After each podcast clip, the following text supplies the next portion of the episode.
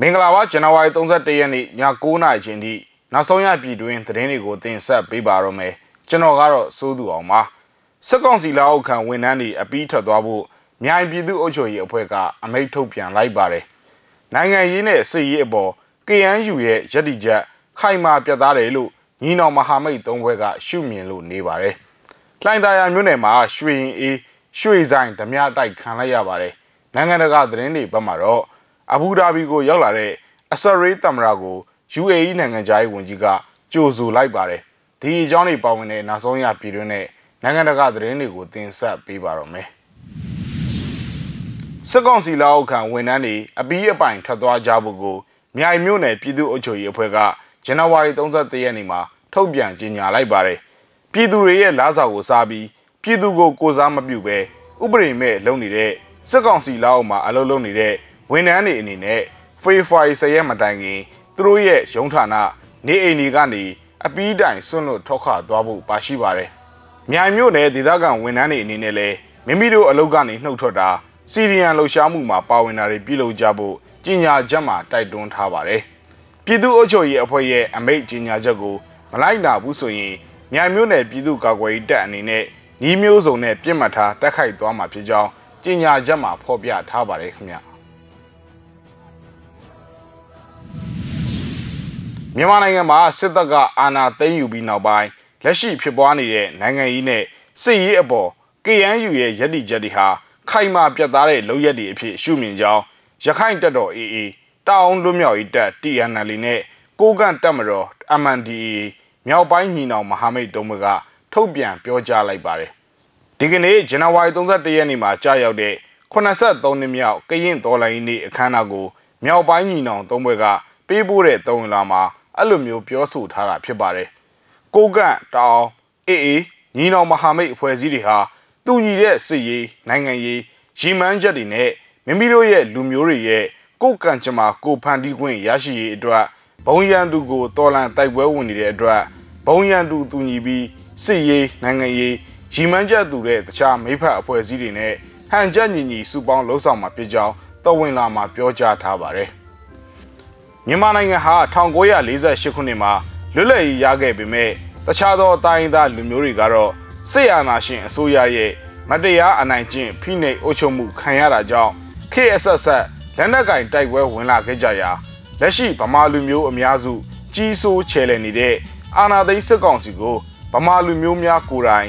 ခုခံတွန်းလှန်တဲ့စစ်နဲ့အပိသက်တိုက်ထုတ်ချိန်မုံဖို့ကြိုးပမ်းနေမှုဟာစစ်အာဏာရှင်စနစ်တပ်ဆိုးရှည်မှုကိုဖော်ပြရာရောက်ပြီး တနိုင်ငံလုံးမလိုလားမှုကိုပြသနေတာဖြစ်ကြောင်းလဲညီနောင်မဟာမိတ်သုံးဘွဲကဆိုပါတယ်။ကရင်အမျိုးသားအစည်းအရုံး KNU ကို1948ခုနှစ်မှာဦးစွာဖွဲ့စည်းပြီးဒန်းသူညီမြရေးရပိုင်ခွင့်တွေနဲ့နိုင်ငံရေးနီလာနဲ့တောင်းဆိုခဲ့ပေမဲ့လည်းစစ်ရေးနီလာနဲ့အကြမ်းဖက်ခံရတဲ့အတွက်1949ခုနှစ်ဇန်နဝါရီ31ရက်နေ့မှာလက်နက်ကင်ခုခံတော်လှန်ရေးကိုစတင်ခဲ့ရာထိုနေ့ကိုကရင်တော်လှန်ရေးနေ့အဖြစ်သတ်မှတ်ခဲ့ရာ 83နှစ်ရှိခဲ့ပြီလည်းဖြစ်ပါတယ်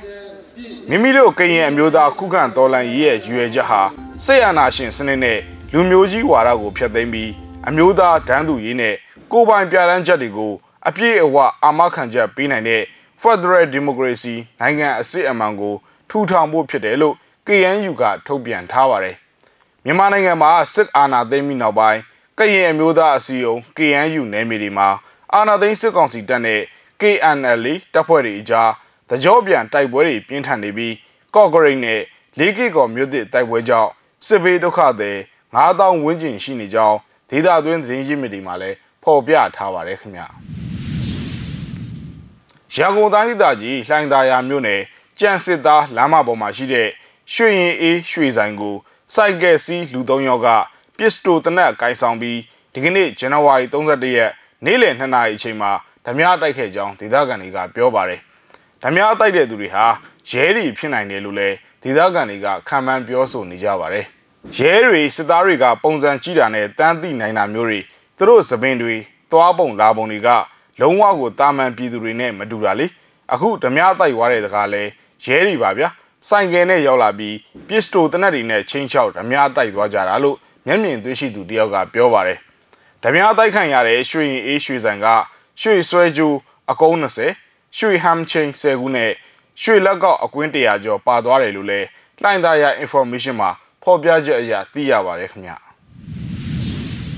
မန္တလေးတိုင်းဒေသကြီးချမ်းရီသာဆန်မြို့နယ်နဲ့မဟာအောင်မြေမြို့နယ်တွေမှာဒီကနေ့ဇန်နဝါရီ31ရက်မှာစစ်ကောင်စီတပ်ဖွဲ့ရဲ့လုံခြုံရေးအဆောင်အရှောက်တွေနဲ့တပ်ထောက်ခံပွဲပြုလုပ်သွားကြောင်းသိရပါတယ်။ချမ်းရီသာဆန်မြို့နယ်လမ်း30နဲ့82လမ်းတောက်မဟာအောင်မြေမြို့နယ်62လမ်းတို့မှာ စုရက်ပြုလုပ်ပြီးစီတန်းလမ်းလျှောက်ခဲ့ကြတာဖြစ်ကြောင်းတပ်ထောက်ခံပွဲမှာပါဝင်ခဲ့တဲ့လုံခြုံရေးအရာအမိမဖော်လို့တဲ့မန္တလေးမြို့တော်စီပင်သားရဝန်ထမ်းတယောက်ကပြောပါတယ်။ဒိုးဝန်ထမ်းတွေအကုန်လိုက်ပေးရတယ်။စစ်ကြောင်းတစ်ခုမှာကော်မတီဝင်ဥဆောင်တာမျိုးလည်းရှိတယ်။ဌာနမှုဥဆောင်ရတာမျိုးလည်းရှိတယ်။ဝန်ထမ်းတွေထဲမှာဆိုရင်နေစားတွေအဓိကလိုက်ရတယ်။စီပင်သတင်းတောက်ကလည်းသတင်းယူရင်းလိုက်ပေးရတယ်လို့လုံခြုံရေးအရာအမိမဖော်လို့တဲ့ မန္တလေးမြို့တော်စီပင်သားရဝန်ထမ်းတယောက်ကပြောပါတယ်။ဒီကနေ့ပြုလုပ်ခဲ့တဲ့စစ်တပ်ထောက်ခံပွဲတွေကိုမန္တလေးမြို့တော်စီပင်သားယာယီကော်မတီကဥဆောင်ပြုလုပ်ခဲ့တာဖြစ်ကြောင်းသတင်းတွေထွက်ပေါ်နေပြီးတော့တပ်ထောက်ခံပွဲမှာစစ်မှုတန်းဟောင်းယာရူကြီးပုဂ္ဂိုလ်တချို့နဲ့မဘာသာအဖွဲ့ဝင်ဘုံကြီးတွေလည်းပါဝင်လှုပ်ဆောင်ခဲ့ကြောင်းမြို့ကန်နေစီကနေသိရပါတယ်ခင်ဗျဆက်လက်ပြီးတော့နိုင်ငံတကာသတင်းတွေဘက်ကိုလည်းသွားရအောင်ပါအဘူဒါဘီကိုရောက်လာတဲ့အဆက်ရေးတမ်ရာကို UAE နိုင်ငံသားရေးဝန်ကြီးကကြိုဆိုလိုက်ပါတယ်အပြည့်အစုံကိုကြည့်အောင်ပါ January လ30ရက်တနင်္ဂနွေနေ့က UAE ကိုပထမဆုံးအဖြစ်အလဲပတ်ရောက်ရှိလာတဲ့ Israel သမ္မတ Isaac Herzog နဲ့သမ္မတကတော် Majid Herzog တို့ကို UAE နိုင်ငံသားရေးဝန်ကြီး Sheikh Abdullah bin Zayed Al Nahyan ကအဘူဒါဘီလေဆိပ်မှာစီးကြိုနှုတ်ဆက်ခဲ့ပါတယ်။ ဒီလအကုန်ပိုင်းမှာ UAE ကိုတမိုင်းဝင်ခီးအဖြစ်အလဲပတ်သွားရောက်မယ့်အကြောင်းပြီးခဲ့တဲ့သတင်းပတ်များအတွင်းကပြောကြားထားခဲ့ပါတယ်။ဒီခီးစဉ်ဟာနိုင်ငံတွေနဲ့ပုံမှန်ဆက်ဆံရေးပြန်လဲကောင်းမွန်လာပြီးနောက်ပိုင်းနောက်ဆုံးသွားရောက်တဲ့အဆင့်မြင့်တန်တမန်ခီးစဉ်တစ်ခုဖြစ်ပါတယ်။တမ္မဒဂရောနဲ့အတူ သွားရောက်မဲ့ခီးစဉ်အတွင်း RS စော်ဘွားများပြည်ထောင်စုအင်ရှိမင်းသားရှိတ်မိုဟာမက်ဘင်ဇာယက်အယ်နာဟီယန်နဲ့ January လ30ရက်နေ့မှာတွေ့ဆုံမယ်လို့ဟက်ဇော့ရဲ့ယုံကဆိုပါတယ်ကျွန်တော်အနေနဲ့အစ္စရေးသမ္မတတဦးရဲ့ UAE ကိုပထမဦးဆုံးအလဲပတ်ရောက်ရှိမှုဆိုတဲ့တမိုင်းတစ်ခုကိုဖန်တီးခွင့်ရခဲ့ပါပြီလို့ဟက်ဇော့ကထုတ်ပြန်ချက်မှာပြောကြားခဲ့ပြီးသူ့အနေနဲ့ကမ္ဘာနိုင်ငံများနဲ့မျှဝေထားတဲ့အနာဂတ်အသစ်ရဲ့အုတ်မြစ်တွေကိုချနေတယ်လို့ဆိုပါတယ်ဟက်ဇော့ဟာ ဒူဘိုင်းအုပ်ချုပ်ရေးမှုအပါအဝင်အစိုးရအကြီးတန်းအရာရှိတွေနဲ့လည်းတွဲဆုံမှုစီစဉ်ထားပြီး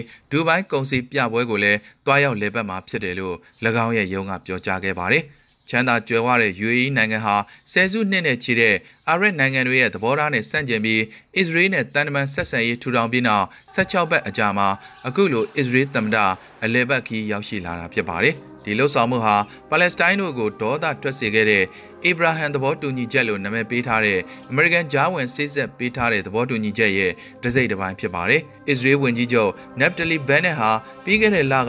UAE ကိုတွားရောက်ခဲ့တဲ့ပထမဆုံးသောအစ္စရေးအစိုးရအကြီးအကဲဖြစ်လာခဲ့ပြီးအီရန်ရဲ့နျူကလ িয়ার အစီအစဉ်ဆိုင်ရာနိုင်ငံတကာဆွေးနွေးပွဲတွေကိုတစိမ့်တစ်ပိုင်းအလေးထားဆွေးနွေးခဲ့တဲ့အဆိုပါခီးစဉ်ဟာအစ္စရေးရဲ့လုံခြုံရေးထိပ်တန်းဦးစားပေးခီးစဉ်ဖြစ်ပါတယ်။ယခုဟက်ဇော့ရဲ့ခီးစဉ်ဟာလည်း UAE ကိုတရားဝင်လာရောက်လည်ပတ်တဲ့ပထမဆုံးအစ္စရေးနိုင်ငံခေါင်းဆောင်ဖြစ်လာစေခဲ့ပါတယ်။အီဗရာဟမ်သဘောတူစာချုပ်မှာလက်မှတ်ရေးထိုးထားတဲ့အာရဗ်နိုင်ငံစင်းကိုတိုးချဲ့လို့တဲ့အစ္စရေးဟာ နိုင်ငံများအကြားရဲရဲနဲ့မိဖက်အသစ်များနဲ့အရှိအလဲပိုင်းကိုအသွင်ကူးပြောင်းဖို့ကတိပြုထားပါတယ်။အဆိုပါသဘောတူညီချက်ကိုအမေရိကန်သမ္မတဟောင်းဒေါ်နယ်ထရန့်လက်ထက်မှာညှိနှိုင်းခဲ့တာဖြစ်ပေမဲ့သမ္မတဂျိုးဘိုင်ဒန်ရဲ့အစိုးရအဖွဲ့ကထောက်ခံအတည်ပြုခဲ့ပါတယ်။သဘောတူညီချက်အရဘာရိန်းနဲ့မော်ရိုကိုတို့ကလည်းအစ္စရေးနဲ့ပုံမှန်ဆက်ဆံရေးပြန်လည်ထူထောင်ခဲ့ပါတယ်။ဆူဒန်ကလည်းအလားတူလှုပ်ဆောင်ဖို့သဘောတူညီထားပေမဲ့ခါတော်မှာပြင်းထန်တဲ့မတည်ငြိမ်မှုတွေပေါ်ပေါက်လာတဲ့အတွက်တရားဝင်တန်တမန်ဆက်ဆံရေးနှောင့်နှေးနေကြရပါတယ်။